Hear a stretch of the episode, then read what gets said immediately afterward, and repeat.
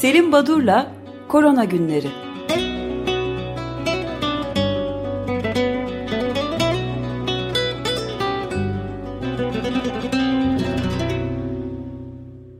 Günaydın Selim Badur, merhabalar. Günaydın, günaydın efendim. Özlem. Günaydın. Ariel günaydın, herkese iyi haftalar diyerek başlayalım.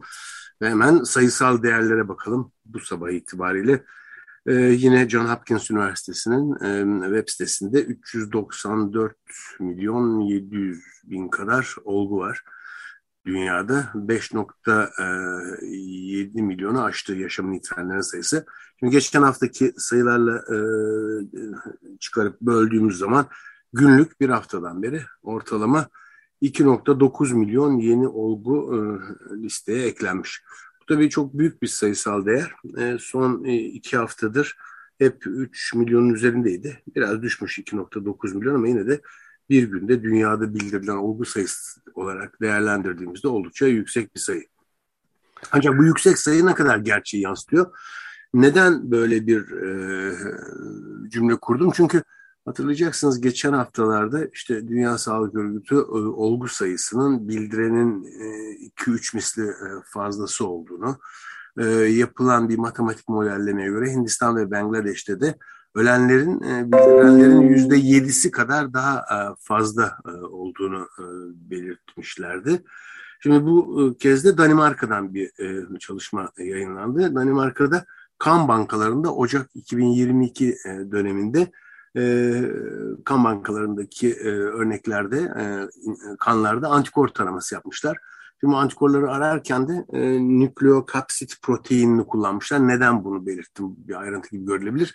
Hani aşılılarda aşıdan dolayı gelen antikorları ayırt etmek için e, nükleokapsit proteini e, antikorları sadece bu aşının içinde olmadığı için bu protein e, sadece e, e, gerçekten enfeksiyonu geçirenlerde pozitifleşecektir. O pozitifliği yakalayacaktır.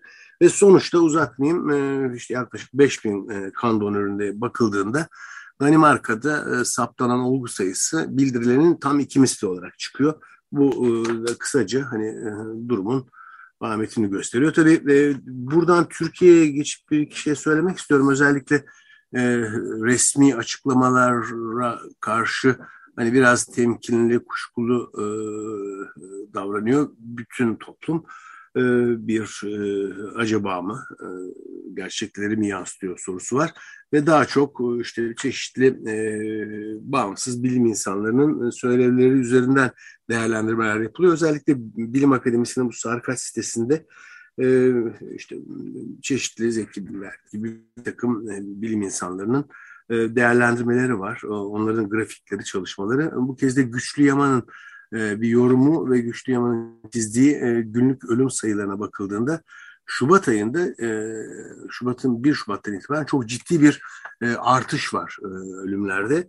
ve kendi yorumu 2022 ölümleri aldı başına gidiyor. Ne salgın yıllarında ne de önceki yıllarda bu zamanda böyle bir tırmanış görülmedi. Bu tırmanış nasıl ve ne zaman duracak diye bir sorusu var. Ha, bu yani yeni bir durum. Çok yani Şubat dediğiniz bir hafta önce. Yani son bir haftanın e, günlük ölüm sayısına şimdiye dek görülmemiş bir artış var. E, bunu e, hani e, belirtmekte yarar var sanıyorum. Ve bu da e, hani öyle e, kafadan atılmış bir şey değil. Bir yorum değil, bir görüş değil. E, matematik modellemelerle yapılan gayet somut e, bilimsel bir e, bulgu. Yani hali hazırda zaten verilmiş rakamlarda yani Johns Hopkins rakamlarına göre de yarım milyara doğru gidiyor. 400 milyon insanın yakalanmış olduğu yaklaşık olarak görülüyor. Çok ciddi bir rakam da sayılabilir herhalde değil mi? Ölüm sayısı da 6 milyona doğru. Evet 6 milyona doğru gidiyor. Ee, tabii e, yeni olgulara baktığımız zaman örneğin 6 Şubat günü Amerika'da e, 104 bin, 104 bin yeni olgu. Ee, Almanya'da 127 bin, Fransa'da 214 bin, Brezilya'da 158 bin, Türkiye'de de 98 bin 715 yeni olgu var. Yani bir günde yüz binlerle ifade edilen e, yeni COVID-19 vakaları saptanmakta. Önemli bir durum. Amerika'da tabii e, ölenlerin sayısına baktığınız zaman 900 bini geçti. Günde ortalama 2400-2500 kadar insan yaşamını yitiriyor. Amerika'nın yüzde 64'ü tam aşılı. Şimdi bu yüzde 64 tam aşılı deyince hemen bir parantez açmama izin verin. E, baktığımız zaman e, bu Our World in Data sitesine orada bütün aşılama e, ile ilgili veriler değerlendirilmekte grafiklerle. Orada dünyada e, 10 milyarı aştı, 10 milyar doz aşı kullanıldı. Türkiye'de e, tam aşılı yani e, bu sitenin değerlendirmek göre iki doz aşı alan e, toplumun yüzde 61.7'si. E, 52,5 milyon kişinin tam aşılı olduğu Türkiye'de söyleniyor. E, şimdi bu ne demek diye baktığımızda neden bunu e, e, değinmek istedim? Çünkü Türkiye'de e, 61.7 yüzde 61.7 aşılı var derken Sağlık Bakanlığı yüzde 80'in üzerinde aşılamadan bahsediyor. Pardon bu durumun bu farklılığın nedeni ya ciddi yüzde 20'lik bir fark var. E, burada 18 yaş üzerindeki aşılıları bildiriyormuş Sağlık Bakanlığı.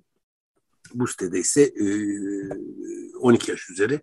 İşte böyle bir e, e, yaş dilimi farkından yüzde yirmilik bir e, farklılık ortaya çıkıyormuş. Bunu da belirtmekte yarar var. Hani e, görenler buna bir nedenli bir, ne yaman bir çelişki demesinler diye.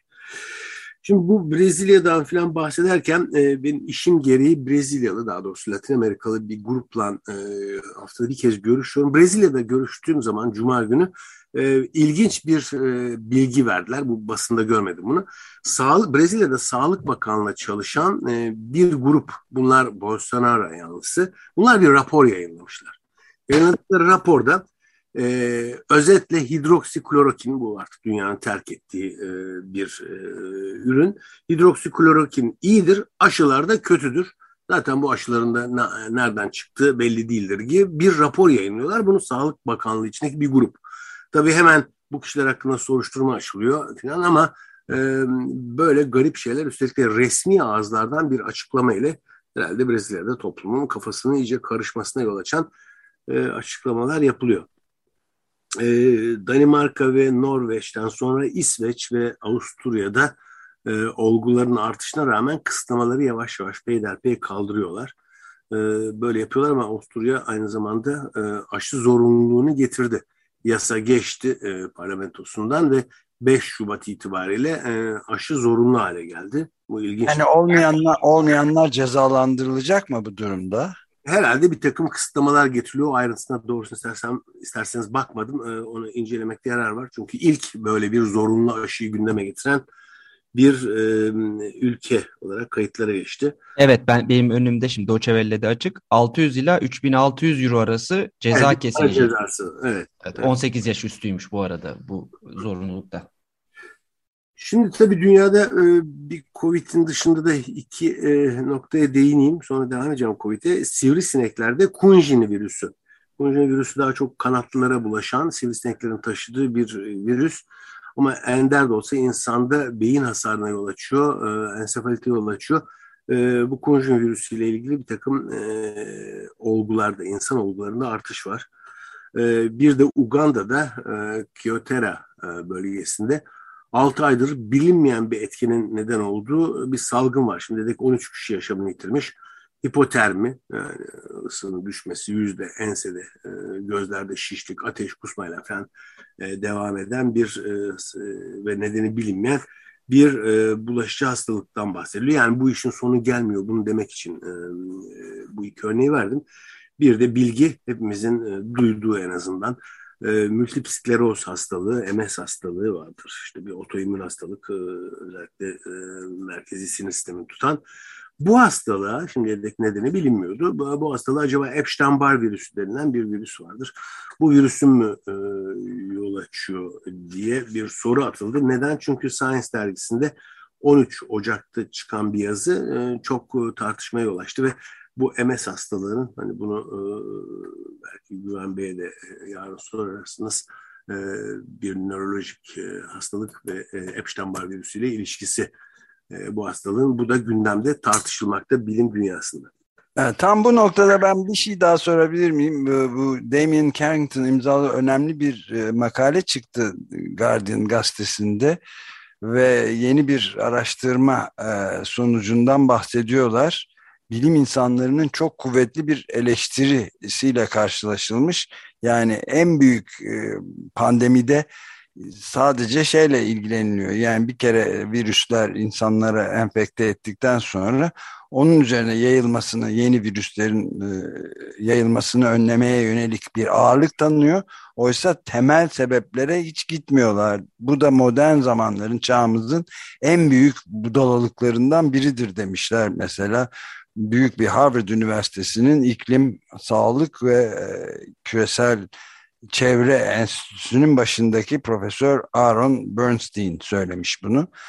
Çok önemli yani yaban hayatını etkilemesinden virüslerin durdurmak için insanlara atlamasını durdurmak için e, çalışmak, yaban hayatını korumak, doğayı korumak çok daha ucuza gelir. Yani yüzde yirmisini, yüzde onunu bile ancak yani bulmaz diyorlar.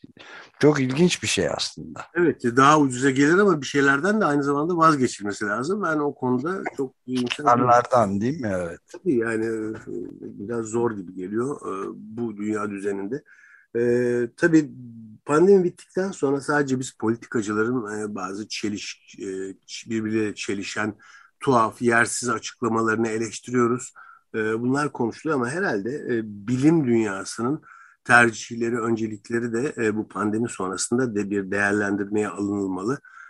Teknoloji amanında ne güzelmiş, ne kadar ilerledi, Mars'a da gidiyoruz derken siz 3 yılla girdik. 3 yıldır hala bir antiviral ve uzun soluklu kesin sonuç geçen bir aşı üretilememesi bana kalırsa e, üzerine düşünülmesi gereken bir nokta. E, şimdi e, bir haber önemli bir haber olduğunu düşünüyorum. E, hem Dünya Sağlık Örgütü'nün bülteninde yayınlandı hem de e, sizin çok değindiğiniz benim e, ilgili çok fazla bir haber yok ama ilk kez görüyorum. Demokrasi Now'da vardı. E, Afrika'da Afrika e, mRNA aşısı üretmeye başlıyor.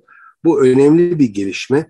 Özellikle Güney Afrika Başkanı Cyril Ramaphosa biz işte ilk defa olarak böyle bir anlaşmayı yaptık diyorlar. İlginçtir Emmanuel Macron Fransız Başkanı'nın Güney Afrika'ya ziyareti sırasında da bu konu ele alındı. Sonuçta Biovac isimli bir Güney Afrikalı aşı üreticisi modern aşısının mRNA formülünü alaraktan o verilmiş kendilerine e, hiçbir zaman bu bir patent yasasını delmek ve teknoloji transferi falan değil. E, öyle anlaşılmasın. Böyle bir şey yapmadı ne e, mRNA aşısı üreticisi olan Pfizer, BioNTech ya da Moderna. Sadece onlar e, sekans dizi e, e, kullandıkları formül diyeyim formülü verdiler. E, bu e, Biovac firması da ya da kuruluşu bu da kendi geliştirdiği mRNA teknolojisiyle Moderna'nın formülünü bu şekilde tanımlıyorum. Formülünü e, kullanarak e, aşı üretimine başlayacak. Büyük olasılıkla 2022 yılının e, sonuna aşının yetişeceği söyleniyor. Böylece ilk defa gelişmekte olan bir ülkede mRNA aşısı e, özgün bir şekilde üretilecek. Bu önemli bir gelişme. E, Çok önemli aslında hakikaten çünkü e, şimdiye kadarki yani game changer dedikleri e, bütün her şeyi değiştirebilecek nitelikte bir gelişme olabileceği de söyleniyor değil mi? Nature dergisiyle de konuşmuşlar patent yazısı, yasasına bu kadar e, sıkı sıkıya bağlı olup onun arkasına sığınan üreticilerin umarım baltalamazlar bu girişimi diye bir e, temennide bulunup korkuma en azından e, belirtmiş olayım. Çok mu karamsarım bu sabah bilmiyorum ama e, e, karamsar olmamak için de e, neden yok. E, Dünya Sağlık Örgütü'nün bir diğer açıklaması biraz önce sizinle değindiğiniz ama farklı açıdan e, belirteceğim sayısal değerleri atıklar. Şimdi bu atıklarla ilgili e, Mart 2020 e, Kasım 2021 arasında 87 bin ton e, sadece bu e, özel e, COVID ile çalışan sağlık personelinin giydiği e, özel giysilerin atı 87 bin ton e, imiş. E, ve kullanılan tanı kitlerinden gelen atıklar e, buna baktığımız zaman 2600 ton e, plastik buradan kaynaklanıyor. 731 bin litre kimyasal atık çıkıyor ve e, 144 bin ton da iğne, enjektör e, ve e, iğnelerin atıldığı plastik kutular. Yani sonuçta Covid-19'da işte kan alma, e, herhangi bir ilacı verme gibi konularda çalışıldığında e, çok ciddi bir atık sorunu ile karşı karşıyayız ki burada sadece kullanılan malzemeler üzerinden ortaya çıkan atık miktarlarını belirtiyorlar. E, maskeler, eldivenler burada yok. E, onları da katarsanız çok ciddi bir sorun var. Yani üzerinde düşünülmesi, çözüm bulunması ve ivedilikle bu işin yapılması gerekiyor diye düşünüyorum. Evet, bir de e, eldivenler özel, üzerinde özellikle çoğu zaman e, çok da gerek olmadığı halde kullanılması ve muazzam bir kirlilik yarattığı konusunda da bir şey okudum o, bununla ilgili. Şimdi e, Dünya Sağlık Örgütü'nün e, Avrupa Bölge Direktörü Hans Kluge var. E, kendisi pandemiyle adeta ateşkes süreci yaşamaya başladık. Umarım e, bu bizi barışa e, bir arada e, barış içinde yaşamaya götürür demiş. Demiş ama bu son hafta 12 milyondan fazla olgu. E, geçen haftadan e, geçen hafta 63.400 kadar kişi de yaşamını yitirmiş Avrupa kıtasında sadece. E, bu arada e, çeşitli bilimsel çalışmalar var. Bunlardan bir tanesi e, COVID hastalarında e, 144.768 hastada hastaneye yatmamış, ayaktan tedavi gören COVID hastası, 24 bin kadar da hastaneye yatan hasta. Bunlar da uzun soluklu olarak ne oluyor diye iyileştikten sonra yani ayaktan takip edilen hafif hastalarla olsun, hastaneye yatan hastalarla olsun e, iyileştikten sonra bunları ne bekliyor, bunlarda ne gelişiyor diye bakmışlar. Bu long COVID ile ilgili bir çalışma. E, çalışma e, JAMA dergisinde yayınlandı ve e, CDC'nin yaptığı bir çalışma. Sonuçta e, ciddi oranda yüzde dört buçuğunda olguların e, nefes darlığı ama daha da ilginci diyabet geliştiği e, belirtiliyor.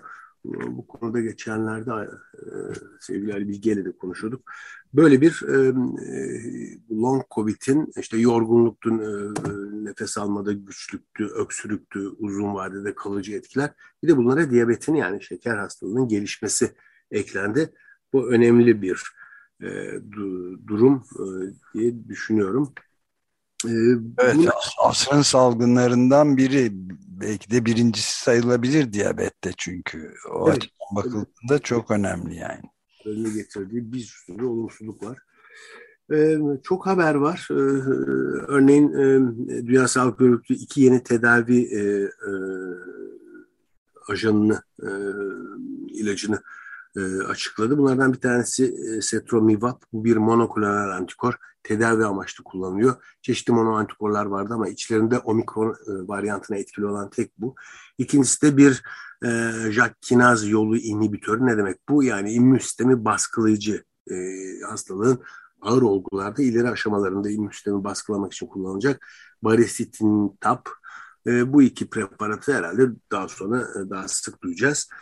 İlginç bir çalışma Japonya'dan. E, şimdi Japonlar şöyle bir şey yapmışlar. Peru, Yeni Zelanda ve Japonya'daki e, milyondaki olgu sayısını ve ölüm sayısına bakmışlar. Örneğin Peru'da 1 milyonda 88 bin üzerinde olgu var. 6 binden fazla yaşamı yitiren kişi var. Yeni Zelanda'da bu oran 1 milyonda 3 bin olgu 10 tane sadece ölüm var.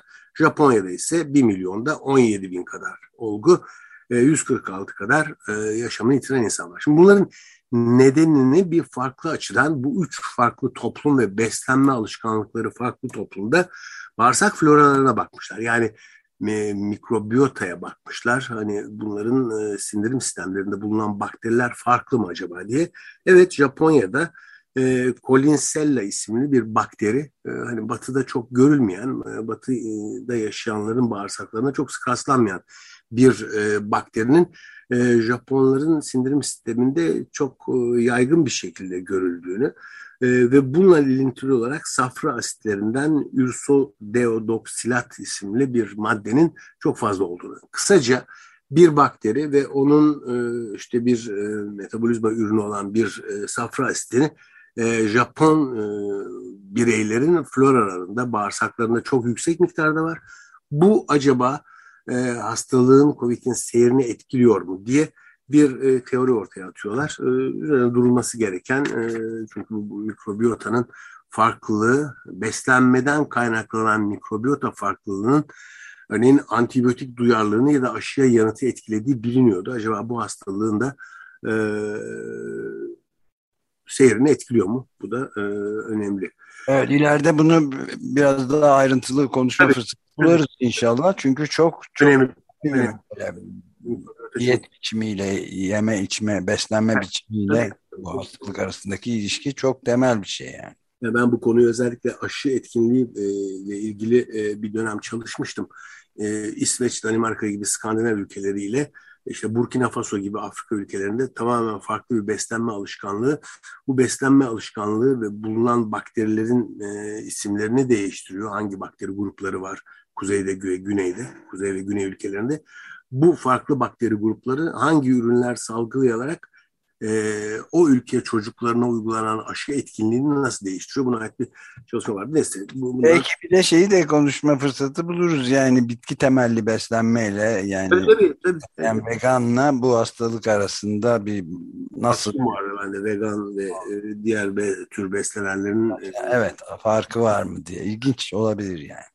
Şimdi bu e, biliyorsunuz e, son varyant omikron çok hızlı yayılıyor ama korkmayın hafif seyrediyor deniyordu. New England Journal of Medicine'de Robbie Bhattacharya isimli bir araştırıcı ekibi ve bu araştırıcı ve çalışma arkadaşları ilginç bir e,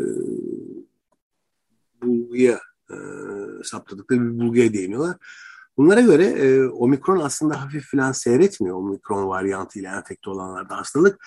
Sadece e, omikronun devreye girmesi çeşitli toplumlarda hem aşılanarak hem de enfeksiyon geçirerek belirli bir miktarda bir bağışıklık olduğundan bu kişilerde omikron e, hafif geçiyor diyorlar ve hani omikronu o kadar küçümsemeyin diyorlar. E, böyle bir iddia var.